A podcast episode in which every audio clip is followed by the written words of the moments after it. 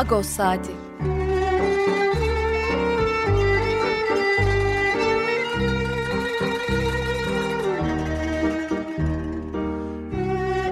Haftalık Agos gazetesinin penceresinden Türkiye ve Dünya gündemi. Agos'un mutfağından haberler, söyleşiler, olaylar.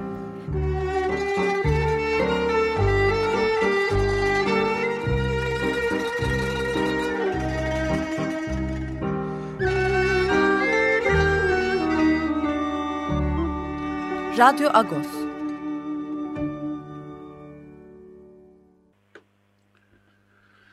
Evet, Radyo Agos'tan günaydın. Parlıyız. Ben Yetfer Tanzikyan. Bu hafta size ben yardımcı olacağım. Ama Pakrates Sükyan'da, radyo birlikte, yayını birlikte yaptığımız Pakrates Sükyan'da bu sefer daha uzun bir süre bizle birlikte olacak. 9.30'dan sonra. Hangi şarkıyla başladık? Hemen ona bir anons edeyim. Mark Aryan. Mark Aryan'dan İstanbul şarkısı dinledik. Mark Aryan aslında bir Ermeni, e, Fransa'da doğdu.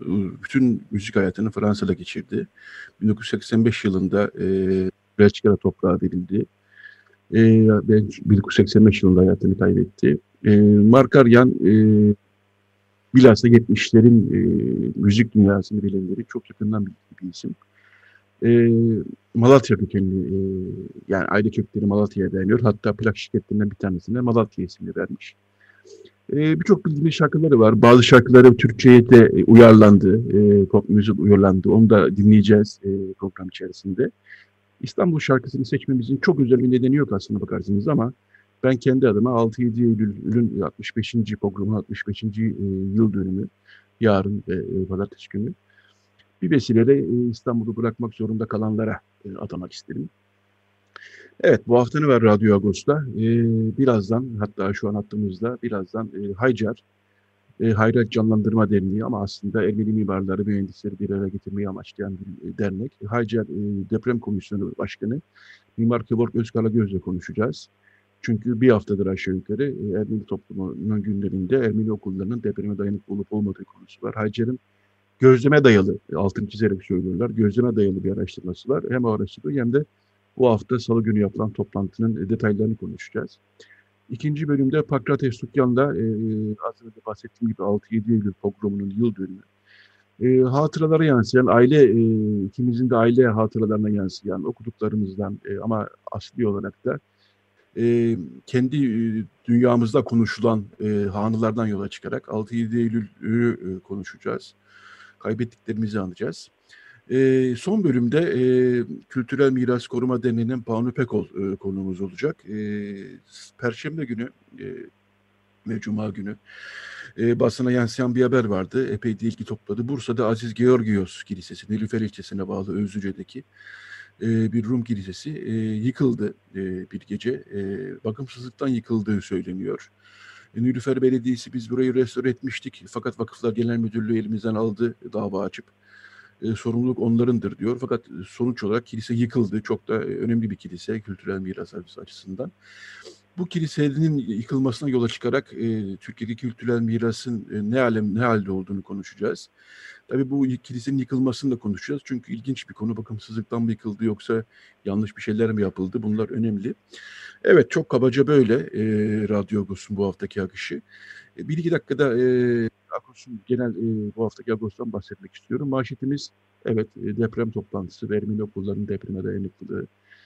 E, onun dışında ilginç e, röportajlar ve haberler tabii ki var. E, Diril çiftinin oğlu e, Hürmüz Dili, Şimunu Dili biliyorsunuz. Ocak ayından beri haber anlamıyor kendilerinden.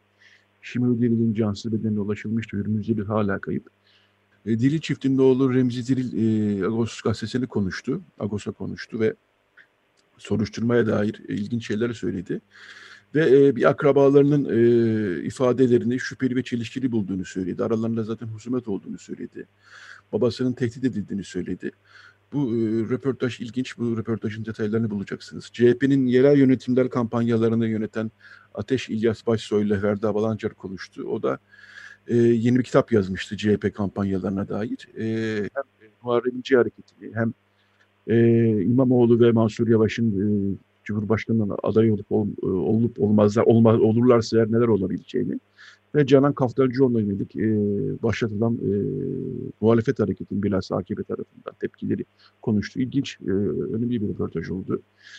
E, Kariye Kora, e, Hora Kilisesi'ne dair e, araştırmalarımıza devam ediyoruz. Yayınlarımıza, haberlerimize devam ediyoruz. Arka sayfamızda buna dair ilginç bir yazı var. Lübnan Ermenilerin durumunu konuşmaya devam ediyoruz. E, Lübnan Ermenilerinden iki kişi hem Lübnan'ın genel durumunu hem de Lübnan Ermenilerin ne halde olduğunu bize anlattılar. Sayfalarımızda onu bulabilirsiniz. E, bir rapor her sene yapıyoruz. E, üniversite sınav sonuçları belli oldu. Bu yıl Ermeni okullarından 128 öğrenci e, üniversiteye girmeye hak kazandı. E, hangi öğrenci nereye kazandı? Hani Milli Piyango e, geçiş çekilişlerinden sonra denir ya tam liste diye. Ağustos'ta e, yine son yıllarda yaptığı gibi bu yıl tam listeyi yayınlıyor ve e, hangi öğrenci e, hangi üniversiteyi kazandı Agos sayfalarında bulabilirsiniz. Ben e, çok da fazla konumuzu bekletmeyeyim telefon hattında e, ve hemen konumuza geçeyim. E, Hacer e, Yönetim Kurulu üyesi ve Deprem Komisyonu Başkanı Mimar Kevork Özkaragöz e, telefon hattımızda. Günaydın Kevork Bey. Günaydın, günaydın Yetört Bey. E, evet, e, yaklaşık olarak geçen Cuma'dan e, bu cumartesine kadar e, Ermeni toplumu e, gündeminde Ermeni okulların depreme dayanıklılığı konusu vardı. Konu nasıl birdenbire gündeme geldi? Geçen hafta e, Ermeni Vakıflar Birliği Başkanı Bedros Şirinoğlu gazetelere bir açıklama gönderdi. Dedi ki Hacer bir araştırma yapmış. E, Patrikhane'de bir toplantı yapılmış. Gizli bir toplantı ve bu toplantıda Hacer'in yaptığı araştırmaların sonuçlarının toplumdan gizlenmesine karar verilmiş e, açıklamasını yaptı. Daha sonra siz de Patrikhan'e bir açıklama yaptınız. Yani böyle gizlenen bir sonuç yok, bir rapor yok dediniz. Zaten Patrik Maşalyan da e, salı günü yani geçtiğimiz salı günü için bu gelişmeler üzerine bir e, geniş katılımlı bir e, toplantı tertipledi. Kumkapı'da Kazazamira Bezcihan Salonu'nda. Bütün okul müdürleri, bütün okul yöneticileri, e, Hacer, siz, e, işte Ermeni Vakıflar Birliği Başkanı Bedros Şirinoğlu herkes katıldı toplantıya. Ve e, konu enine boyuna konuşuldu. Siz orada geniş bir sunum yaptınız. E, çok özetle e, dediniz ki Hacer'in yaptığı araştırma zaten gözleme dayalı bir araştırmadır. E, yani devlete sunulacak bir rapor değil. Çünkü şu da söyleniyor. Milliyetin Bakanlığı bir rapor istedi 24 Ağustos'a kadar bütün okullarda o raporlar teslim edilmedi. E, Salı günkü toplantıda e, söylendi ki kimileri 2007 yılından, kimileri 2005 yılından raporlar teslim etmişler. Milli Eğitim Bakanlığı'ndan haber bekliyorlarmış. Olumlu veya olumsuz bir geri dönüş olmamış. Fakat Bedros Bey'in söylediğine göre Ankara'dan yetkili birisi Bedros Bey aramış ve raporlar niçin teslim edilmedi diye sormuş. Peki şimdi siz e, konunun içindesiniz e, ve e, Ocak ayında Fatih Başalyan sizi davet etti ve Ermeni okullarının depreme dayanıklılığına dair bir tür araştırma yapılmasını talep etti ve e, bundan sonra neler oldu sizi ben sözü size bırakayım ve siz anlatın. Çok teşekkür ederim. Çok detaylı bir açıklama yaptınız. Öncelikle sizi yayınınızdan dolayı kutluyorum ve yayına e, başlarken hemşerim olan Markarya'nın e, çok güzel bir parçasıyla başladınız. Evet. 3 yaşında kendisini Malatya Havalimanı'nda karşılayan grubun içindeydim. Hayal meyal hatırlıyorum. Öyle mi? Aa, ne enteresan. Evet. Ee, çok da küçük bir düzeltme yapmak istiyorum. E, Hacer e, Komisyonu'nun e, deprem komisyonunun başkanı sevgili sınıf arkadaşım Gülizar Artuç'tur. Ben ha, e, sözcü olarak e, sözcü Hı. olarak evet görevlendirildim. E, bu çok küçük bir düzeltme. Hepimiz eşit düzeydeyiz ama bu nüans Anladım. farkında bir ifade edeyim. Tamam. E, Şimdi gelişmeyi çok net ifade ettiniz. 31 Ocak e, biraz da hızlı geçeyim tekrar olmasın. Badiyar Kayrımız e, Saat Maşalyan çok önemli bir karar alarak e, okullarımız, geleceğimiz olan çocuklarımız, eğitim camiasına gönül veren öğretmenlerimiz, müstahsenlerimiz, bütün eğitim hayatıyla ilgili insanları derinden etkileyecek önemli bir karar aldı. 31 Ocak'ta. Arkasından 6 Mart'ta bakanlığın ilk yazısı geldi. Okullara, e, özel okullara, Türkiye'deki tüm özel okullara, özel eğitim kurumlarına bir yazı gönderdi. Denildi ki depremle ilgili lütfen çalışmalarınızı yapın, ayrıntılı çalışmalarınızı yapın. Altını çiziyorum. Hı hı. E, bununla ilgili tüm dokümanlar verin. İşte son dönemde yaşadığımız pandemi, kriz, evet. e, bütün bu olaylar e, dondu.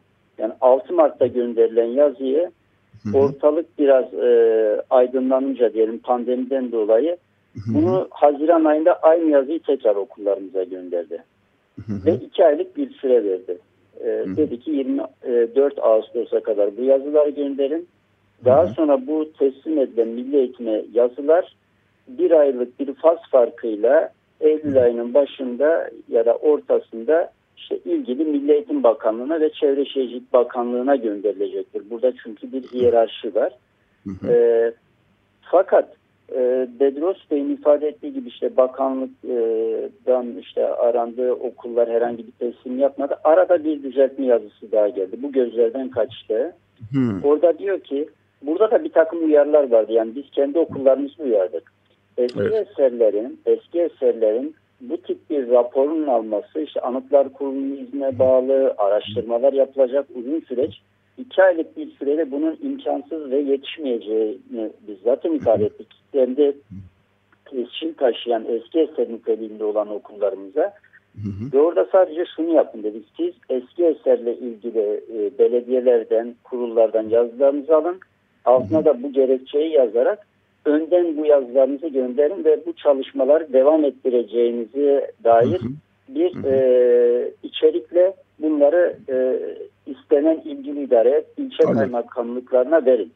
Biz hı hı. eş zamanlı olarak gözleme dayalı çalışma yapıyoruz ve bu çalışmayı da onunla sakına karıştırmayın. Yani nitelikler hı. farklı birbirinden.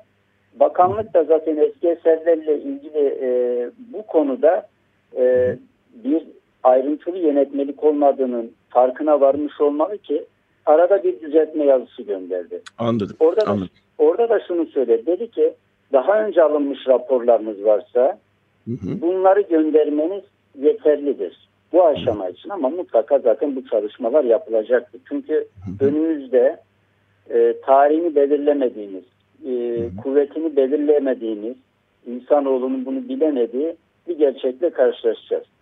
Yani bu 99 yılında yaşadığımız Düzce ve Kocaeli, Yalova depremleri gibi bize 80-90 kilometrelerden gelmeyecek bir deprem. Burnumuzun dibinde. Etkilenme evet. alanımız 10-25 e, kilometre aralığındaki e, bizim okullarla ve yerleşim alanlarıyla ilgili bahsediyorum. E, bize olan yaklaşık mesafesi budur. Bundan çok etkilenecek, az etkilenecek pozisyonlarımız var. Ancak ben şunu ifade etmek istiyorum. Bununla yüzleşeceğiz. Bundan zaten şeyimiz yok. Eğer hazırlığımızı iyi yaparsak bu bizim için bir fırsattır. Hem patrikhanenin iradesiyle vakıflarımız da bence bunda irade gösterecekler. Artık bu şeydir. E, onlar için asli görev haline gelmiştir. Evet. E, tabiri ee, değilse e, cin şifreden çıkmıştır. Yani bu artık evet. e, kaçınılmaz gerçeğimiz. Siz şimdi ee, sonuç olarak e, Ermeni okulların tamamını, e, 17 okulu e, gezdiniz e, Ocak evet. ayından bu tarafa. Gözleme dayalı bunun altını çiziyorsunuz. Yani sizin hazırladığınız raporlar Milli Eğitim Bakanlığı'nın talep ettiği raporların yerine geçmez. Çünkü bu zemin yapılmamış, şey, beton, demir testleri çok yapılmamış. E, rapor, rapor da değil aslında çalışma. Bu çalışmaları bitirdiniz ve e, şimdi sonuç olarak siz ne yapıyorsunuz? Ermeni okullarıyla teker teker görüşüyorsunuz değil mi? Doğru. Şimdi bu raporları biz aldık kişiye özel öyle diyelim. Kişiye özel raporlar haline dönüştürdük. Yani genel raporu kişiye özel raporlar haline dönüştürdük. 17 ee, okulumuzun 28 tane binasıyla ilgili 28 binayla ilgili ayrı ayrı. Hı hı. Onu da söyleyeyim. Yani evet. bir okulun bünyesinde 3 tane yapı da olabiliyor. Hı hı. Biz bunların hepsini ayrı ayrı yaptık. Belediyelerden elde ettiğimiz bazılarının ara dönemde yapılan projeler var. Bunlarla yerinde olan uygulamaları da karşılaştırdık. Hı hı. Yani burada e, gözleme dayalı ama bu gözleme dayalı niteliğini şöyle çizmek istiyorum. E, gerçekten hiçbir detayı e, atlamadan. Hı hı. Eğer e, küçük hasarlar varsa, kılcal çatlaklar varsa bunların yerlerini tespit ederek notlarımızı alarak yerindeki e, uygulamayla varsa projesi bunlar arasındaki uygulama farklarını ayrıntılı inceleyerek zaten bu gözleme dayalı çalışmayı yaptık. Bu da zaten bakanlıkların e, bize sunmuş olduğu bir reçete vardır. Diyor ki böyle bir çalışma yapacaksanız şöyle kriterler var. Bu kriterlerle bunu değerlendirin diyor zaten. Yani Haycar kendi keyfiyetine göre ya da meslek bilgisine göre bu çalışmayı yapmıyor. Bir şablon üzerinden yapıyor bu çalışmayı. Hı hı. Peki e, şimdi bizi dinleyen e, öğrencilerin verileri muhtemelen şu soruyu e, akıllarında dönüp dolaşıyor ve bize sormak istiyorlar. Peki okullarımız ne durumda? Yani kaç okulumuzun güçlendirme yapması gerekiyor? Kaç okulumuzun durumu iyi? Çünkü bu okulların bir kısmı 1800'lerin sonlarında yapılmış, 1900'lerin başlarında yapılmış okullar var. Bazı durumlarda eski binalar daha güvenli olabiliyor. Bazı durumlarla yeni binalar daha güvenli olabiliyor. Mesela Dadya'nın binası çok yeni ve onun aslında bir tür denetime ihtiyacı yok dendi toplantıda. Daha yeni yapıldığı için. Bir taraftan 1800'lerin sonunda yapılmış binaların çok da sağlam olduğu söylendi.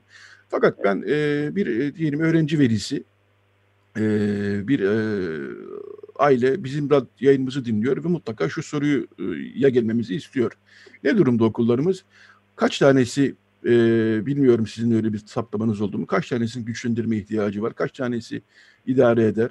E, bunları soruyordur ve muhtemelen de şunu ben soruyorum. Bütün okullar e, zor durumda olsun veyahut da olmasın bu testi yaptırmalı değil mi? Bu iki soruya birlikte cevap verirseniz sevinirim. Seve seve. Şimdi öncelikle okullarımız ne durumda? Ee, bizim yaptığımız çalışma okulların şu okul güçlendirilsin, bu okul e, başka bir şey yapsın e, diyecek şey yok. E, cevabı yok. Yani bizim yaptığımız çalışma diyor ki e, okulları siz inceleyin. Buradan elde edeceğiniz bir performans puanı var. Okullar incelediğinizde bu çizelge biraz önce bahsettiğim şablon sonucunda bir takım formüllerle bu kriterleri koyuyorsunuz. Size bir e, o okulla ilgili performans puanı veriyor. Yani öğrencinin karne notu diyelim. Evet. Çok daha basit bir e, şey indirgeyim, nota indirgeyim. Ve siz e, diyelim bir çan eğrisi oluşturacaksınız. E, biraz da eğitim şeyle konuşalım, e, kavramlarıyla. E, sınıfın ortalama durumunu alacaksınız. Yani başarılı öğrenci var, e, çok evet. iyi çalışan öğrenci var. Ama diyorsunuz ki bu sınıf şeye girdiğinde işte üniversite sınavı ya da bir hedefi olduğunda nerelerde olur? Yani aslında bizim şeyimizin karşılığı da bu. Bizim okullarımızın evet. durumu nedir? Yani böyle bir önünüzde güçlü bir sınav var. Evet. Sınava hazırlanıyorsunuz. Ha buradan elde ettiğiniz bir veri var. Diyorsunuz ki işte ortalama e, şöyle bir şeyimiz var elimizde. E, kapasitemiz var. Ama diyorsunuz ki bir taraftan da bu önümüzdeki sınavda bizim bu çocuklarımızın şey olması lazım. Yani önde olması lazım, atak olması lazım. Bunun için ne yapıyorsunuz? Takviye dersler, kurslar evet. ve e, motivasyon uyguluyorsunuz değil mi? Biz şu anda evet. okullarımızla ilgili bu durumdayız. Biz ortalamayız. Yani bu sınavdan e, yara alarak da çıkarız ya da böyle Hı-hı. sıyrıklarla çıkarız. E, tabiri değilse bu. Ama biz takviye ders alırsak, takviye kurslar alırsak ve moral motivasyonla e, iyi beslenerek bu sınava hazırlanırsak işte üstün başarı elde ederiz, iyi puanlı okullara gireriz gibi. Yani benzeştirme Anladım. böyle yapılabilir. Hı-hı. Okullarımız içinde gerçekten şey işte Dadyan Okulu yeni yapıldığı için e, iyi puan almıştır. Hı E, ortalarda e, bulunan çok sayıda okulumuz var ama performansı düşük olan okullarımız da var. Hı, Bunlar görece sayı olarak daha az ama var yani bu, bu, bu bir gerçek. Gerçek evet çünkü insanların hayat söz konusu burada bir gerçek varsa saklamamak lazım. Yok yani asla e... asla, asla. Hı. böyle bir konu zaten söz konusu değil. Bu evet. deklarasyonda ilk proje sahibi olan e, patrikhaneye yapılmıştır. Hı hı. Denilmiştir ki Hayjar'ın yaptığı bu çalışma yöntemin belirlediği ilkelerle öncelik belirlemedir. Bakın bunun adı, bunun evet. çıkan sonucu bu çalışmanın öncelik belirlemedir. Yani bizim 28 binamız varsa haydi 28'ine aynı anda biz müdahale edelim. Bu ne gerçekçi, ne eğitim Anladım. planlaması açısından, ne yapı planlaması, ne de bütçe planlaması açısından böyle bir şey gerçekçidir. Bunu vadelere yaymak zaten durumundayız. Bu saydığım e, kriterlerle. Evet. Haycar bunu yapmıştır ve sunumunu yapmıştır. Ve bu sunum da gizli değildir. Proje evet. sahibine nasıl ki bir proje sahibi vardır. Proje sahibine sunumunu yaparsınız. Proje sahibi de der ki e, tamam ben e, bu projeyi dinledim. E, bunu da şu yöntemle gidin ilgililerine anlatın. Zaten devletin bu tarafta milli eğitimin söylediği e, bu çalışmaları zaten yapmak zorundasınız. Bizim bu iki çalışmanın e, Haycar'ın ve Milli Eğitim'in e, gönderdiği yazıyla bu iki çalışmanın üst üste düşmesi büyük bir şanstır bana göre. Ne yapmış olduk evet. biz? Milli Eğitim bireysel olarak gönderseydi, Patrikhane böyle bir çalışmayı istememiş olsaydı her okul yapacaktı. Belki hı hı. bir gene ortak e, toplantıyla bunlar açıklanacaktı. Ama daha bireysel kalacaktı bu iş. E, Patrikhane'nin burada öncü davranıp böyle bir şeyi kendisine ilk proje olarak alması bence şeydir. E, bizim için büyük kazançtır. Toplumumuz için büyük kazançtır. E, bunu öncelemiştir ve toplumsal proje haline dönüşmüştür bu Patrikhane önderliğinde. Ben böyle görüyorum. Evet. Ve bizim Peki ben... yaptığımız çalışma aslında bir altlık oluşturmuştur Milli Eğitim'in istediği bu şey çalışmaya. Öncelik belirlememizi sağlamıştır bu. Ve ben biz o zaman tek tek ziyaret ettik. Dedik ki Hı. sizin şeyiniz bu, çalışmanız, performans puanınız bu ama diğer okullarla sizin birbirinizi kıyaslayacağınız şu anda elinizde bir sayı yok. Yani bir öğrenci açıyor karnesinde işte not ortalaması, bu diğer açıyor bu. Kimse birbirine bir şey söylemediği takdirde kimse kimsenin notunu bilmeyecektir. Bizim Anladım. durumumuz da bu. Anladım. Evet. Ee, şu sonucu çıkarıyorum. Ee, genel olarak ortalamaya e, durumda bizim okullarımız ama e, sayıları az da olsa e, ciddi durumda yani e, güçlendir, mutlaka güçlendirme yapması gereken okullarımız mutlaka, da var. Mutlaka. İyi durumda olan okullarımız da var. E, siz bütün okulları ziyaret ettiniz e, ve kendi ediyorsunuz daha doğrusu bu hafta boyunca. Teker Doğru. teker de kendilerine karnelerini bir anlamda veriyorsunuz. Ama sonuçta gerçek e, raporu verecek olan Çevre Bakanlığı'yla çalışan lisanslı test şirketleri değil mi? Yani sizinkiler aslında Doğru. Eğitim Bakanlığı'nın talep ettiği projelerine geçiyor. Resmiyet taşıyan, devlet önünde resmiyet taşıyan ve daha e, detaylı olan çalışmadır o. Dolayısıyla okullarımız yapacağı ilk iş burada Çevre ve Şehircilik Bakanlığı ile çalışan lisanslı şirketlere hemen başvurmak, e, gerçek testi yaptırmak ve ona göre de eğer güçlendirme gerekiyorsa hemen güçlendirme çalışmalarına geçmek. Kaçınılmaz, bu aslında kaçınılmaz doğru. Bu kaçınılmaz evet, evet doğru. Evet. Pandemi döneminde aslında e, bizim için belki de bir şans çünkü birçok öğrenci zaten evden eğitim yapacak. Bu sürenin uzayacağı da belli oluyor. Yani e, hayatlarımızı zorlaştıran ve can alan bir e, salgın bu ama okullar açısından, deprem açısından e, aslında belki de bir şans olarak bakılabilir. Bilmiyorum ne dersiniz? Bence kesinlikle doğru. Yani bu e, tabii e, insan hayatını e, derinden etkileyen pandemi süreci olsun ya da olmasın. Hı hı. E, çünkü bunlar ayrı mekanizmalar. Yani birisi gerçekten bir doğal afet. Hı hı. Yani yaşadığımız bu korona virüs şeysi e, pandemi salgını. Diğeri de e, tarihini bilmediğimiz e, bir deprem gerçeği. Evet. Buna mutlaka buna mutlaka e, hazırlanacağız. Yani Hazırlan. bunun şeyi yok artık. E, kaçacak, e, gizleyecek, e, işte üstünü örtecek bu kavramlar artık yok bizim için. Peki e, bu durum son bir şey sorayım. Bu durum aslında Ermeni okullarına özgü de bir durum değil. Yani 1800'lerin sonunda 1900'lerin başında yapılmış birçok okul var Türkiye'de, İstanbul'da özel okul sınıfına giden. Tabii. İşte yabancı okullar. E, bu okulların da herhalde bizde benzer bir durum var diye düşünüyorum.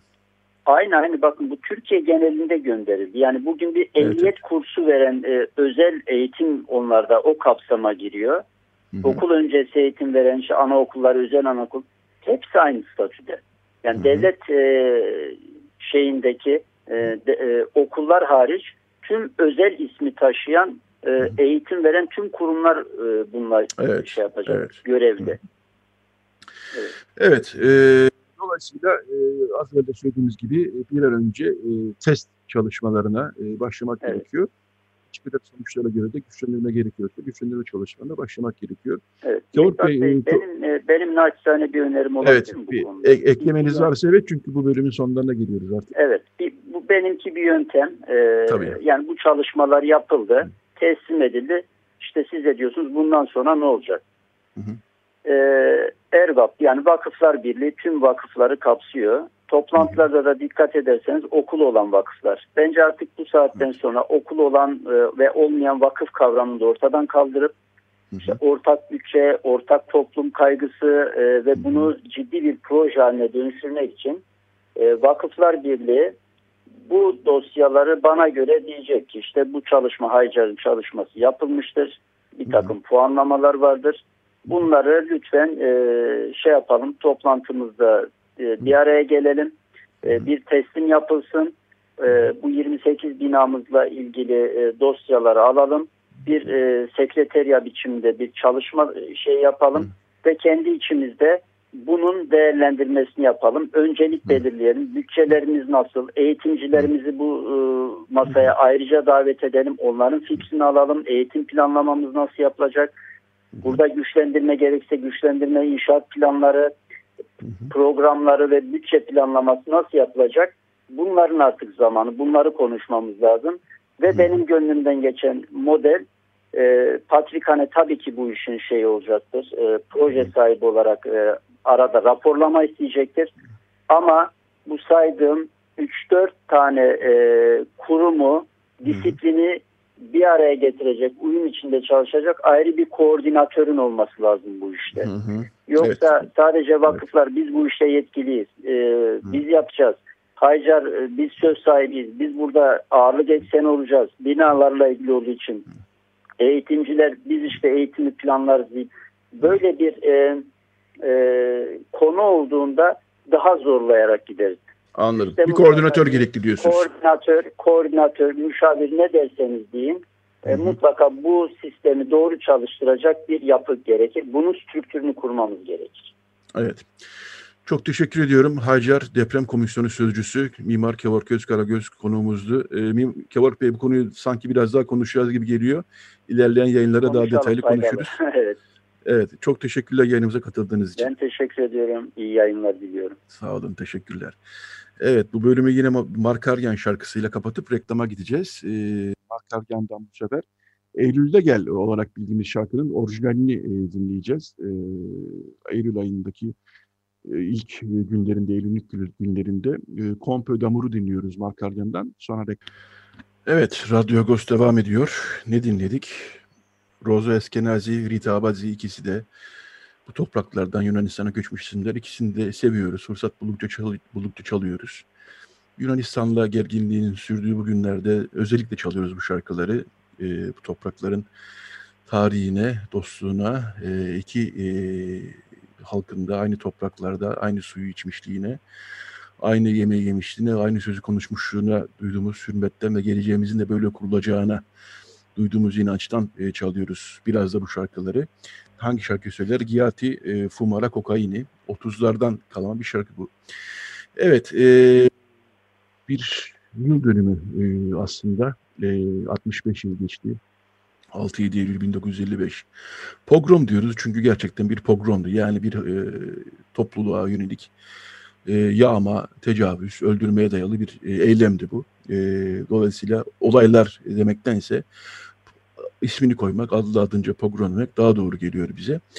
E, 6-7 Eylül pogromunun e, 65. yıl dönümündeyiz. Şimdi Pakrat Sestukyan e, telefon attığımızda Pakrat abiyle beraber zaten yıllardır bu programı e, yapıyoruz biliyorsunuz. Günaydın Pakrat abi, Parlus. Günaydın Parlus Yasar, günaydın.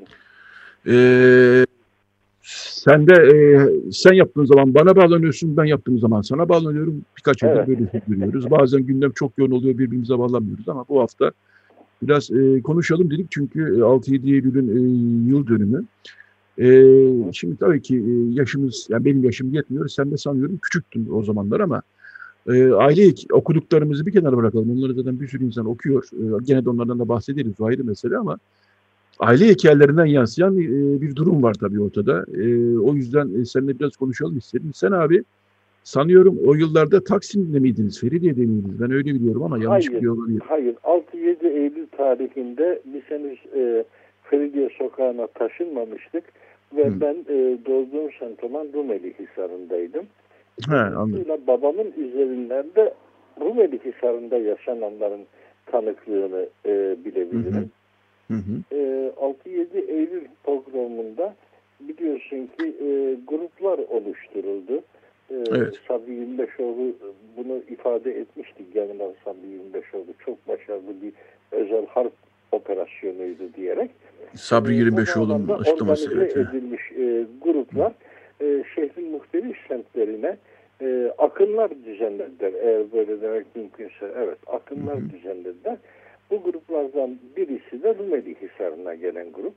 Rumeli Hisarı'na gelen grup e, Hisar'a girmek için ilk teşebbüsü e, İskele tarafındaki e, İskele'nin karşısındaki yokuştan yukarı doğru çıkarak yani kilise yoluna doğru giden yokuştan yukarı çıkarak e, gerçekleştirmek istiyor. Fakat her nasıl oluyorsa oradaki polis karakolu bu akını geri çeviriyor, geri püskürtüyor. Evet. İnsanların oradan mahalleye girmesine engel oluyor. Onun üzerine bu grup ısrarından vazgeçmiyor. Bu sefer Aşiyan yokuşundan yukarı çıkarak Rumeli Hisarı'na girmek istiyorlar. Ve daha sonra bizim Çeşme Meydanı diye tanımladığımız noktaya kadar geliyorlar. Ama oraya kadar zaten e, çok fazla Ermeni evi yok. Bizim kiracı olarak oturduğumuz evin önünden de geçiyorlar. Belli ki Rumeli Hisarı'nda yeterince bir sağlam araştırma yapamamışlar. En son Bakkal Anastas var. Onun e, kapısına gidiyorlar. Bakkal Anastas'ın dükkanının önüne gidiyorlar. Orayı yağmalamak niyetindeler. Bu sefer Rumeli Hisar'ın gençleri bunların önünü kesiyor. Ve onlar da oraya girmelerine müsaade etmiyor. E, Rumeli Hisarı köyü genel olarak 6-7 Eylül'ü e, hasarsız atlatabilen yerlerden biri. Bu gençler gelen grubun önünü kesmek için mahallenin gençleri kendileri bizzat bakkal anastası evine gönderiyorlar ve oradaki kapının üzerindeki birkaç camı kendileri kırıyorlar. Mesela diyorlar ki burası zaten e, buraya gelindi dönün ve o grubun Rumeli Hisar'da herhangi bir tahribat yapmasına engel oluyorlar. E, biz 1915'i konuşurken de hep kurtulanlar ve kurtarılanlar üzerinden konuşuyoruz ya. Burada da bu anlamda ilginç bir örnektir Rumeli Hisar ve e, şehrin değişik sokaklarında benzer küçük örnekler genellikle de yaşanmıştır. O büyük e, pogromun, büyük talanın, tahribatın, yıkımın, hatta demin senin söylediğin gibi yer yer tecavüzün, cinayetin yaşandığı gece kimi yerlerde de böyle bir kişinin cansiperane direnişiyle oyunun bozulduğuna da tanık olduğumuz bir sürü ilginç yaşanmışlık var. Onlardan birisi benim babamın ağzından çok dinlediğim e, Rumeli Hisarı'dır. Nitekim e, babam ertesi günü e, işe gitmek için evden çıktığında e, o ağır tahribata birebir tanık oluyor. E, babam o yıllarda Boğaz Kesen'de bir keresteci dükkanında muhasebeci olarak çalışıyor. Tophane ile Galatasaray arasında değil mi? Evet, Boğaz Tophane ile. Galatasaray arasındaki Boğaz Kesen diye tanımlanan yerde. E, orada o büyük e, yıkıma birebir tanık oluyor.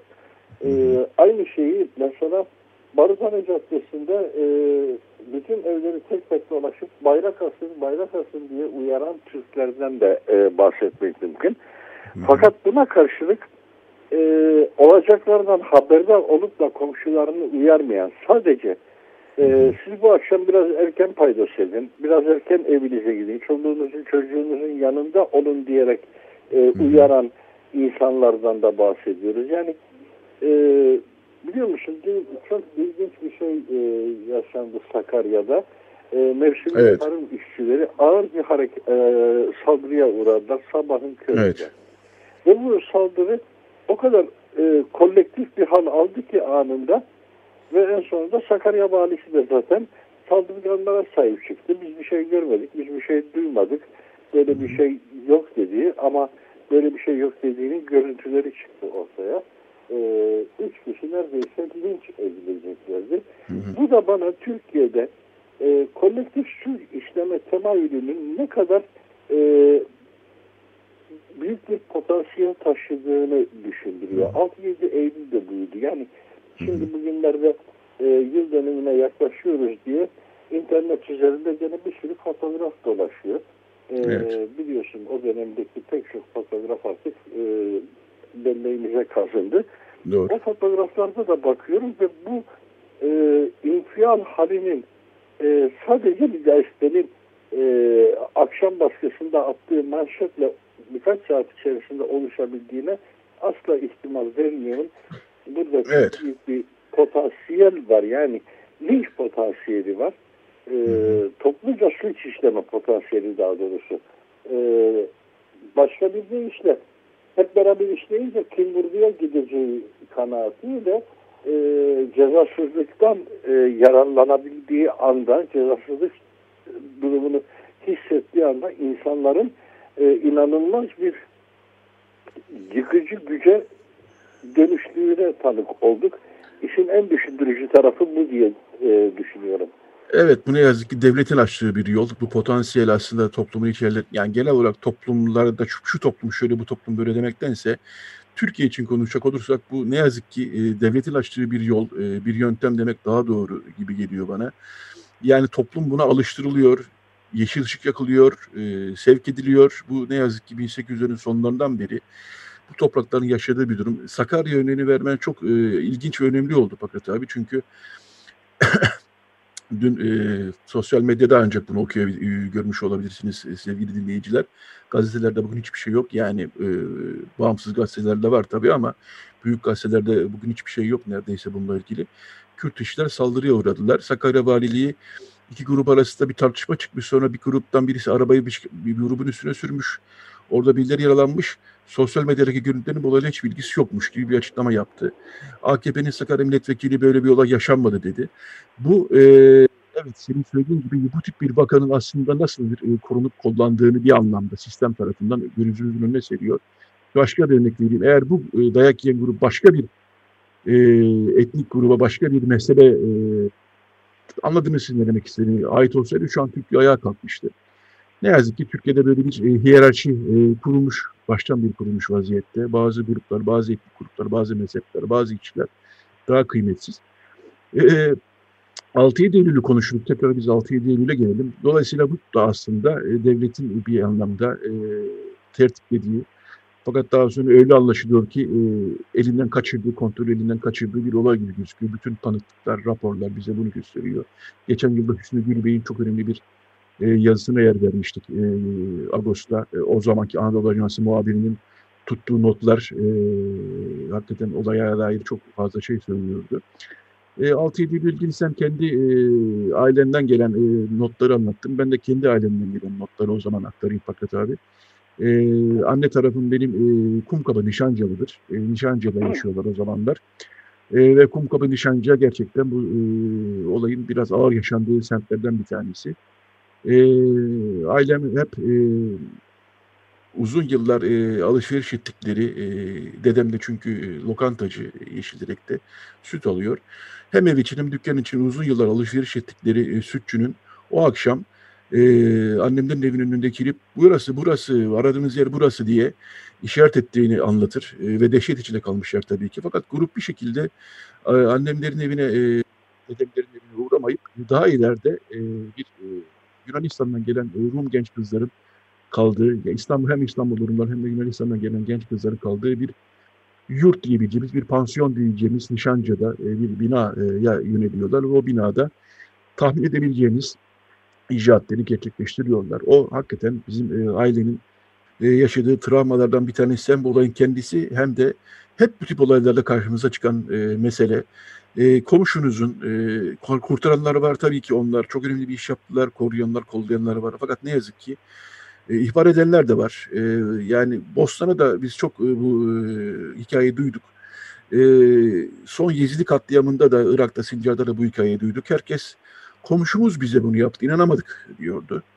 E, bu hakikaten bu tip etnik durumlarda e, demek ki bir tür e, bir nasıl diyeyim artık bir e, var böyle bir şey ne yazık ki. Koruyanlar kolonyadan olduğu kadar bunu yapanlar da var.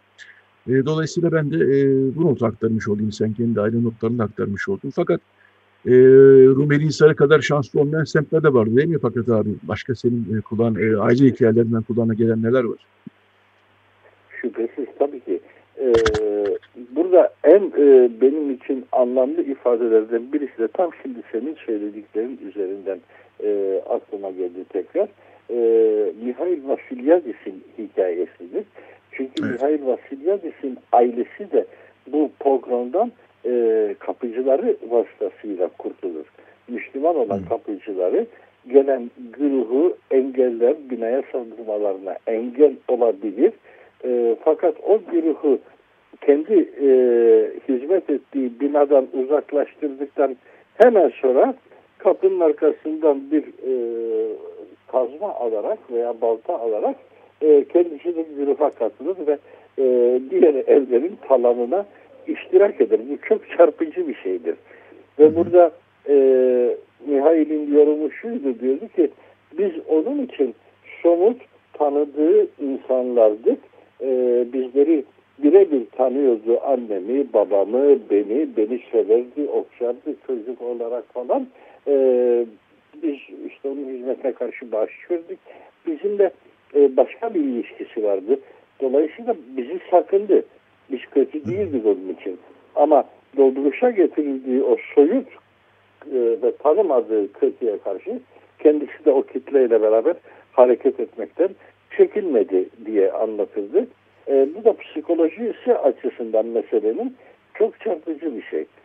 Hı hı. Evet ben e, senin hassasiyetini anlıyorum. E, asla hiçbir şeyi genellemeden konuşmak, hiçbir grubu e, topyekun e, muhatap almadan konuşma hassasiyeti. Bu bir politik e, terbiye ve disiplin ve buna ben de çok tabii ki uyuyorum. Ama gene de e, bu kadar organize şeyin kolektif bir şekilde uygulanabilmesinde e, konuşmak zorunda hissediyorum. Yani üzerinde düşünmemiz lazım sanki bütün bunlar için. Mutlaka. Ee, abi bu bölümün son dakikalarına geliyoruz yavaş yavaş. Ee, bu hafta Ermeni sayfalar neler var? Biraz da onlardan bahset istiyorsan.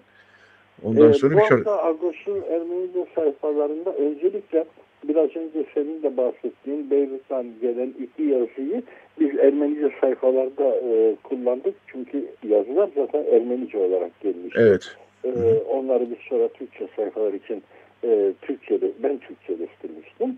E, öncelikle onları kullandık ve bu e, çok e, içerikli yazılardı. E, evet. Söylediğim gibi hem Beyrut'taki Ermeni toplumu ama onun ötesinde genel olarak Lübnan toplumu ve Lübnan toplumunun bir de e, şu cemaat yapılanmasıyla e, oluşan özürlük, özellikleri hakkında çok ilginç şeyler vardı. E, bunu söylerken aklıma e, Cumhurbaşkanı Ağul'un e, coşkulu ifadeleri geliyor. Büyük kitlesel sokak gösterileri yapıldığı zaman bundan birkaç ay önce hı hı. E, Ağul şu memnuniyeti ifade etmişti. İlk defa Lübnanlılar topyekun sokağa çıktılar. Cemaat farkı gözetmeden, mezhep farkı gözetmeden hepsi aynı şey için e, sokaklarda protesto gösterisi yapıyorlar. Bu benim çok hoşuma gitti demişti. Yani hı. E, Lübnan hiçbir zaman anladığımız anlamda bir e, ulus devlete dönüşmedi. E, dönüşmemesinde bir hayır var belki ama e, cemaatçilik bölünmesi içerisinde de herkesin sadece kendi kompartımanıyla sınırlı dünyaya bakması da e, belli ki sorun. Şimdi artık tablo böyle değil ama şimdi bu tablo gitgide e, ülkeyi taşıyamıyor. E, o bölünmüş cemaat. E, bütün bunlara dair çok güzel şeyler vardı. Gene Lilith Boğazyan'ın bu hafta e, Türkiye ve Ermenistan arasında kaderini şekillenmiş olan bir aile ile röportajı vardı. Bu aile 2006'da Türkiye'ye gelmiş. E, burada insanlarla kurdukları olağanüstü güzel ilişkilerden bahsetti. Yani Türklerle kurdukları e, evet. olağanüstü iyi ilişkilerden bahsetti. Türk komşularıyla. Onlarla yaşadıkları yardımlaşmalar, onların bunlara kucak açmalarından Hı-hı. ve e, yazının sonunda da şöyle bir saptama vardı. E, halkların e, anlayışları ve devletlerin anlayışları birbirlerinden çok farklı halklar e, dostluğa teşne, devletler düşmanlığa gibi bir tespitle Hı-hı. yazıyı ba- bağlamışlardı. E, bunu yazdık. E, Joyner bu hafta şeyden bahsediyordu. Bu korona e, salgınının tam bir komplo teorisi mantığıyla yaklaşıyordu meseleye ve arka planında e, halkın kitlesel ölümünü isteyen bir zihniyetin daha egemen olduğunu ve koronanın buna yeterince de ce cevaz veremediğini o yüzden milleti maskelerle falan öldürmek istediklerini söylüyordu. E, nefes yolundan kaynaklı hastalıklar daha ağır kayıtlara yol açacak gibi bir e, isyanı vardı Jovinar'ın. E, bu minvaldeydi. Evet. E, ilginç ee, var diğer bu hafta Dagos'un Ermenice sayfalarında. Hı hı. Evet, her hafta olduğu gibi e, Norella Duryan'ın yazılarında kaçırmayın diyoruz. E, bu hafta ne? Başka. Hem bir edebi değeri var o yazıların hem bilimsel bir değeri var. Yani dil bilim anlamında da çok değerli ama o dil bilim e, başlığında anlatmak istediği meramı o kadar edebi bir anlatımla öyküleştirerek anlatıyor ki Ben her hafta hayranlıkla okuyorum o yazıları. Evet. Ermenici bilenlerin orada duran yazılarını kaçırmasın. Agos kaçırmasın zaten. E, Ermeni basını da kaçırmasın diyoruz. Evet Fakret abi çok teşekkürler bu hafta. E, hem 6-7 Eylül konuştuk hem de e, Agos'u konuştuk. E, sana iyi bir hafta sonu diliyorum. E, bu iş dönüp dolaşıp 1065 yaş üstüne dönüyor. bu arada. Kevork Karagöz röportajın da çok güzeldi. Öz Karagöz'de yapılan e, Evet. e, okulların e, mimari Evet. mevzuları falan. E, keyifli bir yayın oluyor. Kolay gelsin sana Yatay. Te- teşekkürler Fakret abi sağ olasın. Ee, evet şimdi e, bir şarkı aramız var. Ee, daha sonra bir reklam aramız olacak. Daha sonra Kültürel Miras Koruma Derneği'nden Banu, Banu Pekol'la konuşacağız.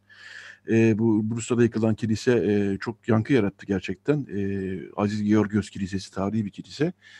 Ee, onu, o konuyu ve Türkiye'deki diğer kiliselerin kültürel mirasın durumunu konuşacağız tabii. Ama şimdi Maria Rita Epik, e, yaşı yetenler hatırlar Maria Rita Epik 70'lerin önemli isimlerinden bir tanesi. Onun çalışmalarından çok bilinmeyen çalışmalarından bir tanesi hem Türkçe hem Rumca Talasa. Maria Rita Epik'i dinliyoruz. Daha sonra reklam arası, daha sonra Radyo, Radyo Agos devam edecek. Evet, Radyo Agos devam ediyor. Ee, evet, Radyo Agos devam ediyor. Ee, ne dinledik? Mahşur Leyla, e, Beyrutlu bir rock grubu. Beyrut'un etnik, çok parçalı, çok etnik, çok etnili e, yapısını da temsil eden bir grup bu. Geçen hafta da çalmıştık, beğenildi. Bu hafta bir daha çalalım dedik. Raksit Leyla dinledik Mahşur Leyla'dan. Ee, evet, bu bölümde e, Kültürel Miras Koruma Derneği'nden Banu Pekol telefon attığımızda. Günaydın Banu Hanım. Günaydın Yetvat Bey. Ee, teşekkürler yayınımıza katıldığınız için. Ee, şimdi Perşembe günü e, ajanslara, e, sitelere, haber sitelerine bir haber düştü. Bursa'daki Aziz Georgios Kilisesi e, yıkıldı. E, Nilüfer Belediyesi'nin e, sınırlar içerisinde. Nilüfer Belediyesi'nin açıklamasında, belediye başkanı açıklamasında e, kendilerinin burayı restore ettiklerini fakat ya Vakıflar Genel Müdürlüğü'nün e, dava açarak burayı, burayı aldığını kendilerinden ve 7 yıl boyunca hiçbir e, yenileme çalışması yapılmadığını, dolayısıyla yıkıldığını söylüyordu. E, evet kilise yıkıldı sonuç olarak. Daha e, Osmanlı döneminde cami olarak da kullanılmış fakat daha sonra tekrar e, aynı yörede başka bir cami olduğu için e, kendi kaderine terk edilmiş bir binadan bahsediyoruz. Bu yıkımdan yola çıkarak biraz Türkiye'deki kültürel mirası ki siz, sizle daha önce de konuşmuştuk bu konuyu aslında Radyo Agos'ta ve Agos gazetesinde konuşalım dedik. Ee, önce bu Bursa'daki kiliseyle başlayalım istiyorsanız. Ee, fotoğraflara baktınız siz. Ee, uzmanlarla da konuştunuz. Dün yaptığınız konuşmada, telefon konuşmasında bana biraz bahsettiniz. Siz bu yıkımı neye bağlıyorsunuz? Ee, gördüğünüz kadarıyla fotoğraflardan. Evet, e, biz kendi ekipçe de bunu aramızda konuştuk. E, Aslında hani nereden tutacağımızı, nereden başlayacağımızı e, önce düşünmek lazım bu konuda. Çünkü e, birkaç tane aslında e, dert var burada. Hı hı. E, Birincisi bu binanın niye bu kadar e, el değiştirdiği, niye böyle bir e, bir süre kimsenin Hı hı. kullanmadığı. E, Buradan da şey çıkıyor tabii ki Türkiye'de bu kadar çeşitli ve kültürlü, çok kültürlü, kültürel mirası olan e, ve geçmişiyle yüzleşmekte ciddi sorunlar yaşayan bir ülkede e, gayrimüslim kültürel mirasını korumak veya korumamak hep politik bir şey. Ve, e, ama bu sadece bu tür miraslarda değil yani Galata Kulesi'nde de gördük benzer bir çekişmeyi. Evet, Diğeri evet. Vakıflar Bölge veya Genel Müdürlüğü arasında bir çekişme. E, yani bu aslında e, biraz şeye benzetiyorum. E, bir boşanma davasında ebeveynler didişir ama çocuğun velayetinin e, kime geçeceği sonuçta hem e, çocuğun sosyal, psikolojik ve e, fiziksel sağlığı en iyi bakacak olan ebeveyne e, verilir e, velayet. Yani aslında böyle bir e, mantıklı bir kararla devredilmesi gerekir e, tarihi eserlerinde. Ama Hı biz hı. bu kararın arkasında ne olduğunu hiçbir zaman göremiyoruz. Bu konuda bir şeffaflık yok. E, Evet. ve Türkiye'de devamlı maalesef gerçekten kültürel miras üzerinden bir politika yapılıyor. Yani bir e, gerçekten Bursa'daki bir kilise olsun, e, bunu niye e, restore etmiş olan ve kullan, kullanacak olan bir işlev vermiş olan kurumdan vakıflara geçiyor. E, mesela bunlar Hı hı. aslında sorgulanması gereken birinci şey bu aslında. Hı hı. E, Hı hı. Ve Türkiye'de biz bunu çok görüyoruz yani e, bu politika yapmayı. Ayasofya'yı geçiyorum çok yoruldum o konuda konuşmaktan ama Evet, her evet. yanı mozaik olan e, ve yani en güncel haline 14. yüzyılda kavuşmuş olan Kale Müzesi var. Yani hı. o hesapla en az e, 700 yıllık Hı. bir bina bu mesela. Bu kadar hı. eski mücevheri bırakın mücevher kutunuz olsa kullanır mısınız? Hep onu soruyorum. Evet. Yani kıyabilir Evet. miydiniz koruyup muhafaza etmek dışında bir şey yapmaya ona? Ee, biz şu an tamamen politik bir kararla onun e, bir kutusuna çatal bıçaklık muamelesi ediyoruz açıkçası. Hı hı. Ee, ayrıca vakıflar e, geçen bir bina aslında vakıflar dediğimiz tüm herkesin vakıfları olmalı. Ee, sekülerlerin de vakıfları olmalı. Dolayısıyla bu bina bir seküler e, işleve de hizmet edebilirdi. Ama sadece cami kullanımı üzerinden bir sahiplenme yapılıyor. Yani bu aslında birinci sorun. Hı hı. Tekrar Bursa'daki Ayos Yorgios yani Aya Yorgi Kilisesi'ne gelirsek dediğiniz gibi bir haber düşüyor ajanslara. Bu Baktım Bursa'da bugün diye bir haber kaynağı. Hı hı. Ee, ve burada aslında çok büyük bir sorun var. Biz Kültürel Miras Koruma Derneği olarak birkaç sene önce bu konuda bir adım atarak kültürel miras haberciliği atölyeleri verdik. Hı hı. Çünkü e, gerçekten gazeteciler, medya çalışanları ve e, hatta genel olarak iletişim uzmanları diyelim Hı hı. kültürel mirasın korunmasında çok büyük etkiye sahip. Biz koruma uzmanlarının profesyonel çalışmalarını medyaya geniş kitleleri doğru şekilde e, aktarmadıkça yaptıklarımızın etkisi çok küçük kalıyor. Yani aslında Hı hı. kültürel mirasın korunması için e, toplumun o mirasla kuracağı ilişkide gazetecilerin müthiş önemi var. Hı. Ve Türkiye'de e, böyle bir haber yapacaksanız mesela bu işte e, şimdi üzerinde konuştuğumuz haberde herkesin bir fikri olacaktır mutlaka. Herkes bir restorasyon konusunda e, Türkiye'de ahkam kesebilir, uzman olsun olmasın. Hı hı. E, ve dolayısıyla konuyla ilgili akademik eğitimi olan, deneyimi olan bir uzmandan görüş alınması çok önemli. E, ben bu habere baktığımda sadece bir e, bakış açısından e, hı. bir e, demet görüyorum. O kişi de e, koruma uzmanı değil açıkçası. Evet, E, evet. Ve e, belediye e, belediyeden bir e, çalışan e, ve onun dediklerine bakınca mesela şey hani çok ilk gözüne takılan Bursa'nın Ayasofya'sıydı burası demiş. Hı hı. Bu ne demek? Şimdi daha önce cami olarak kullanıldığı için Hı. e, diye yazmışlar. Şimdi biz Kültürel Miras Koruma Derneği olarak yaptığımız en yaygın çalışmalardan bir tanesi Anadolu'da risk altındaki kültürel mirasın belgelenmesi. Hı hı. Bugüne kadar yüzlerce tarih eser belgeledik. Adana, Elazığ, Turabdin, Güney Marmara Adaları, Bursa dahil, İzmir, Niğde, Kayseri. E, ve ben Bursa'da beş tane en az şu an e, cami olarak kullanılmış kilise sayabilirim. Dolayısıyla o yüzden Ayasofya olarak e, bunun Anlıyorum. haberlerde çıkması, Bursa'nın Ayasofya olarak çıkması doğru değil. E, Anladım. Bursa'da başka bir Ayayorgi Kilisesi de var. O da cami olarak kullanılmış mesela. Hı hı. Ki bunların hepsi e, haberde geçen de dahil aslında nüfus mübadelesi sebebiyle cemaatsiz kalıyorlar. O yüzden camiye dönüştürüyorlar. Yani Ayasofya gibi e, Konstantinopolis'in fethinden sonra Anladım. bir Bizans kilisinin çevrilmesi değil.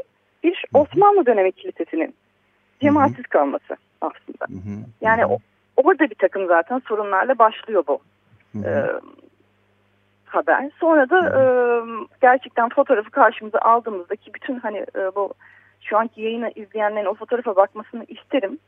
E, bizimle beraber şu an ya da başka bir zaman. E, gerçekten e, yapının tek bir cephesi ki, e, yıkılmış. Bu da hani Yıkılmış. baktığımız tipolojik olarak batı yani giriş cephesi gibi gözüküyor. Hı hı. Ee, şöyle denmiş, 2013 yılında e, vakıfları geçti. O günden beri bakımsız olduğu için e, yıkıldı bu cephe. Biz Hı. yüzlerce kilise inceledik, Bursa'da dahil. Ve bunların e, hiç restorasyon geçirmemişleri e, çoğunluk yani incelediklerimiz bunlar. Ve böyle bir yıkım e, açıkçası e, mümkün değil diyebilirim yüzde seksen. Evet. Ee, çünkü öyle yapılar var ki hiç restore edilmemiş.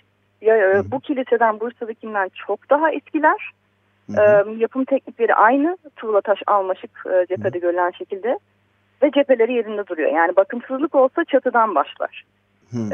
Dolayısıyla burada bir e, hele de restore edilmiş bir kilise ise bu. Yani yakın Hmm. zamanda restore edilmiş bir kilisenin e, bu şekilde bir e, yıkım geçirmesi bir deprem Çok zor. inandırıcı olurdu. Ee, Anladım. ben şu an açıkçası hani e, bilerek yıkıldı kesinlikle demiyorum. Hani bir e, müdahale yapıldı ve e, o cephe yıkıldı demiyorum ama şeye bakmak lazım. Bu yapı restore edilirken nasıl bir teknik Hı. kullanıldı her şeyden önce. Çünkü tek bir cephenin o şekilde dışa doğru çökmesi gerisi çok sağlam dururken e, biraz şaşırtıcı. Bizim Evet. sahadaki deneyimimize e, dayanarak bunu Anladım. söylüyorum. Doğru anlıyorsam restorasyon e, yapılırken acaba bir hata yapılmış olabilir mi sorusunu ortaya atıyorsunuz galiba. Evet. Hı hı. Ee, Ve bu haberde hiç değinmemiş bir de o var. Gerçekten hiçbir koruma uzmanına görüş alınmadan Ee, bu arada vakıflar genel yani iki tarafın da görüşü alınmadan tek taraflı bir haber yazılmış. evet. Bursa'daki e, durum bu. E, yani evet e, birçok kilisenin biz e, hala e, zamana direndiğini görüyoruz. E, yakın zamanda yapılmış kiliseler için belki bunları söyleyebiliriz. Yani 1800'ler, 1700'ler, 1600'ler ama bilhassa Türkiye'nin doğusuna gittiğimiz zaman e, yıkıntı halindeki birçok kiliseyle de karşı karşıya kalıyoruz. Yani kilise olabilir, ha, sinagog olabilir. Bunlar gerçekten Çanakkale'de birçok sinagog e, yıkılmış vaziyette. Yani toplumların o e, kiliseye devam eden e, toplumların e, gitmek zorunda kalmasıyla diyeyim ben. Cemaatsiz kalan bu kiliselerin, dini yapıların hakikaten çok zor durumda olduğunu biliyoruz. Sanki toplu bir bakış açısı gerekiyor değil mi bu meseleye? Yani çünkü o cemaatler artık bunlarla hangisiyle uğraşacaklar? Yani ben bizim Ermeni toplumu açısından söylüyorum. Binlerce kilise hakikaten çok zor durumda. Evet bunlara sahip çıkması gereken kurumlar var tabii ki ama hangi birine sahip çıkacaksınız? Hangi birisini restore edeceksiniz? Nereden kaynak bulacaksınız? Bunlar çok e, kolay işler değil gerçekten. Bir toplu bakış açısı gerekiyor e, diye düşünüyorum açıkçası. O toplu bakış açısı var mı? E, bunları yaşatmaya dair birinci sorum bu. İkinci sorum nasıl bir bakış açısı olabilir? Onları sorayım ben size. Hı hı. E, toplu bakış açısı maalesef tahmin edeceğiniz gibi yok. E, bunun en temel sebebi aslında hangi yapı ayakta, ne kadar ayakta, e, ne şekilde bir risk altında, hangisinin kurtarılması öncelikli gibi bir e, haritalandırma bile yok. Biz Kültürel Miras Koruma Derneği olarak, bir sivil toplum kuruluşu olarak bu konuda e, beşi aşkın senedir, altı senedir e, çalışmaya çalışıyoruz. Ama tabii ki bir sivil toplum kuruluşunun tek başına yapabileceği bir iş değil bu. Bizim bunu yapmamızın tek sebebi sizin dediğiniz bakış açısının e, devletle beraber bir şekilde bir koruma politikasına, bütün eserleri içine alan e, ve birinin diğerinden yeği tutmayan bir koruma politikasına destek olmak. E, ancak tabii ki e, bunun için hani bir sivil toplum kuruluşunun ne fonları ne gücü yeterli. Bunu e, devletle beraber ve gerçekten de e, halkla beraber yapmak lazım. Hı hı. Ee, tabii ki Türkiye'de müthiş bir kültürel miras zenginliği var. Yani üzerinde olduğumuz e, oturduğumuz zenginliği düşündükçe ben e, bir yandan da bunun nasıl korunduğuna, korunamadığına e, baktıkça çok e, üzülüyorum. E, çünkü bunlar gerçekten Avrupa'da olsa e, müthiş bir hani koruma politikasıyla en azından acil e, bir takım desteklerle yani fiziksel olarak kültürel desteklerle bu yapılar e, korunurdu. Ya da en basitinden çevresine bir e, koruyucu bariyer konulurdu binaların. içine defineciler giremezdi e, bir takım sosyal gruplar giremezdi binaya zarar vermek için. Yani bizde bu bile maalesef e, yapılamıyor. E, yani yine Bursa üzerinden örnek verebilir mesela. Bursa'da bir tane gördüğümüz, e, incelediğimiz Ayaparaskivi Kilisesi vardı Mustafa Kemal Paşa'da. Ee, ki aslında bu şimdi e, haberde çıkan kiliseden çok daha ihtişamlı hani bir Ayasofya'ya benzetmesi yapılacaktı. Bursa'nın küçük ölçeğinde e, Ondan bahsedildi tabii ki e, birkaç yıl sonra yapılmış ama e, daha önceki tespitlere baktık o kiliseyle ilgili yapılmış. 1983'te yani 37 sene önce e, define çukurları tespit edilmiş. Ve bugün hala o, o çukurlar orada. Ve bugün hala siz kontrolsüz bir şekilde içeri girebiliyorsunuz. Hı hı. Yani 37 senede aslında hiçbir ilerleme e, olmamış. Tabii ki bazı eserler e, örnek olarak hani bakın e, biz restore ettik diye Türkiye'de restore ediliyor. İşte e, aslında Akdamar Kilisesi'nden başlayarak e, bunları örnek gösterebiliriz. Yani uluslararası arenada bir e, çalışma yapıldığını göstermek adına da bir kısmı yapılıyor. Ancak e, yani tek bir yapıya milyonlarca ki Bursa'daki kiliseye ne kadar para harcandığı da haberde yazılıyor. O kadar para e, tek bir yapıya verileceğini aslında 5-6 yapıya acil müdahale yapılarak o yapıların e, ileride de restore edilebilecek şekilde ayakta durması sağlanabilirdi. Yani bu da bir koruma politikası. Tek bir e, mesela bir çocuğun Amerika'da üniversiteye göndermek yerine 10 e, çocuğu Türkiye'de iyi bir Anadolu Lisesi'ne e, ve iyi bir devlet okuluna göndermek gibi bir politikaya benzetebilirim bunu. Evet, e, bu sizin e, çalışmalarınıza da biraz gelelim. Bu arada e, biraz evvel e, kültür mirası ile ilgili saptama çalışmalarından bahsetmişken Hrant Dink Vakfı'nın çalışmasını da burada hatırlamak gerekir diye düşünüyorum. Türkiye Kültür Varlıkları e, haritası e, oluşturmuştu bundan 200 sene önce Hrant Dink Vakfı. Orada da bir interaktif harita bu. E, Türkiye Kültür Varlıkları hrantink.org sitesine girilirse eğer görülecektir. Orada da bütün Türkiye'de hangi bölgede hangi e, yapı var e, onları e, harita üzerinden interaktif bir şekilde görebiliyorsunuz. Yani e, haritalama, raporlama e, çalışmalarını sivil toplum kuruluşları, siz, e, Hrant Dink Vakfı ve başka kuruluşlar gerçekten yürütüyorlar ama az evvel de bahsettiğimiz gibi bir toplu bakış açısı e, oluşamıyor ne yazık ki. Çünkü böyle bir bakış açısı yok. Ama e, sivil toplum kuruluşları ellerinden geleni yapıyorlar bununla ilgili olarak. E, bunu da söylemek lazım. E, Kültürel Miras Koruma Derneği olarak sizin e, bir de e, Süryan yapıları ile ilgili sanıyorum bir çalışmanız olmuştu yanlış bilmiyorsam. Sürüyor mu? Ne durumda? Başka çalışmalarınız var mı? Neler? Biraz onları konuşalım isterseniz. Tabii ki e, geç, yani bu sene içinde tamamlanan bir e, çalışmamızdı, projemizdi bu. Bu Turabdin'deki e, somut e, ve somut olmayan kültürel mirasın belgelenmesi. Bir kısmı tabii Turabdin dediğimiz bölge Mardin'in Şırnak e, çevresini hatta Nusaybin'de içine alan bir e, bölge. Burada biz yine e, belgeleme çalışmaları yaptık. Risk altındaki kültürel mirasın e, hem risk değerlendirmesi, kültürel miras değerlendirmesi biraz önce dediğim yani devlete sunulabilecek burada hangi bina ne durumda, hangisini e, öncelikle kurtarılmalı bunları raporladık bilimsel bir şekilde bir uzman ekibiyle. E, bir yandan da somut olmayan kültürel miras üzerine çalıştık e, Süryanilere ait olan. Bunlar nedir? E, mesela bir takım, takım ekmek yapma ritüelleridir. Bunları yaparken hmm. ne gibi e, şarkılar söylüyorlar, ne gibi e, sosyal pratikle üretiyorlar bunları e, ya da ne gibi dini törenleri var. Yani gündelik hayatlarında bugün artık kaybolmayı yüz tutmuş ya da tamamen e, dedelerin anlatısında, ninelerin anlatısında kalmış pratiklerin e, kaydedilmesi üzerine bir çalışma yaptık. Ve bunların kimi tabii bazı mekanlarla bağlı o bölgede onları da haritalandırdık. E, bu çalışma bitti. E, bununla ilgili bir e, sunum aslında Mardin'de yaptık oradaki e, beraber çalıştığımız paydaşlara ancak pandemi sebebiyle bir e, lansman hı hı. daha yapamadık. Hı hı. E, ama bu da bir e, büyük projemiz. Aynı şekilde e, Mardin'deki e, Katolik Kilisesi'nde e, su baskını hı hı. sebebiyle e, çok zarar görmüş el yazması kitaplar vardı. Bunların bir kısmı pederlerin günlükleriydi ki e, çok hı hı. özel dergiler e, bunlar bizim hı hı. için oradaki günlük yaşantıyı da aktardığı için onlar için de bir acil kurtarma fonu almıştık. Oradaki e, e, eserlerin el yazması kitapların kimi de makbul kitapların korunması daha iyi muhafaza edilmesi için hı hı. bir çalışma yaptık. O da tamamlandı. Bir yandan da tabii envanterin çıkarılması için. Hı hı. Evet bu yaptığınız son iki çalışma gerçekten de ilginç. E, bu çalışmanın sonuçlarında e, şimdi biraz e, güzelsel konuşmuş gibi olduk e, ama başka bir programda e, konuşmak e, isterim gerçekten. Çünkü somut olmayan kültürel miras da çok önemli. Yani binalar yıkık da olsa belki duruyorlar, eski fotoğraflar var falan. E, ama bu bahsettiğiniz e, ritüeller, e, yaşayış biçimleri bunları ortaya çıkarmak da çok önemli. Bununla ilgili sanıyorum e, konuşacak çok şey var.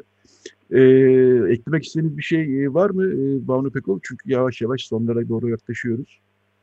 Ee, şunu ekleyebilirim. Bütün bahsettiğim bizim saha çalışmalarının e, kitapları aslında e, biz bunları e, internetten e, size ulaştırabilir e, isteyen herkese onun için info at kmkd.org adresine bir e-posta atarlarsa bahsettiğim saha çalışmalarını ve diğer bütün mesela işte definicikle nasıl mücadele edilir, kültürel miras haberciliğinde neye dikkat edilir gibi konulardaki e, kitaplarımızda ulaştırabiliriz tüm dinleyenlere ve ilgililere. Bunu da e, aslında duyurmak isterim. Evet ben de bir kere daha tekrarlayayım. info.kmkd.org yani Kültürel Miras Koruma Derneği'nin baş harfleri info.kmkd.org adresine mail atılırsa bu yayınlara ulaşılabiliyor. Evet Kültürel Miras Koruma Derneği'nin Banu Pekol e, konuğumuzu. Çok teşekkürler Banu Hanım yayınımıza katıldığınız için. Ben çok için. teşekkür ederim. Çok sağ olun. Size iyi çalışmalar diliyorum. Size Evet. E, artık Radyo Agos'un sonuna geldik. E, Hrant Dink, e, kim, e, sevgili Hrant Dink'in doğum yıl dönümü olan 15 Eylül'de her sene biliyorsunuz. Uluslararası Hrant Dink ödülleri dağıtılıyor. Bir gece tertipleniyor bunun için. Bu yıl pandemi yüzünden bir e, seyircilerin katılımıyla bir gece olmayacak ama ödüller yine bir geceyle e, dağıtılacak. Ama artık internetten bu yıl için daha doğrusu e, internetten izlenebilir. Bu internetten nasıl izleyebilirsiniz? hrantdink.org sitesine girerek canlı yayınları görebilirsiniz. 15 Eylül e, Hrant doğum günü. 15 Eylül Salı akşamı saat 8'de e, bu yılki Uluslararası Hrant ödülleri dağıtılacak. Bu duyuru da bu duyuruyu da yapmış olayım. Evet, e, yayında e, Berhem Baltaş e, yardımcı oldu. Recide Berhem vardı. E, çok teşekkür ediyoruz bizi dinlediyseniz, eğer dinlediğiniz için. E, haftaya yeni bir e, Radyo Agos'ta buluşmak üzere diliyorum. Ve Bruce Springsteen'de veda edelim bu hafta. E, bir e, içimizden öyle geldi diyelim. Streets of Philadelphia veda ediyoruz. E, herkese iyi bir hafta sonu diliyoruz.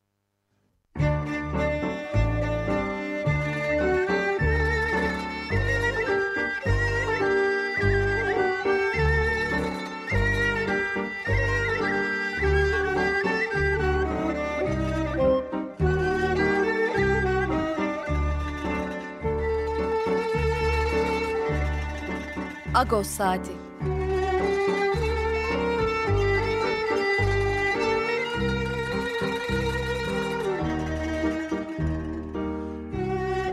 Haftalık Agos gazetesinin penceresinden Türkiye ve dünya gündemi. Agos'un mutfağından haberler, söyleşiler, olaylar.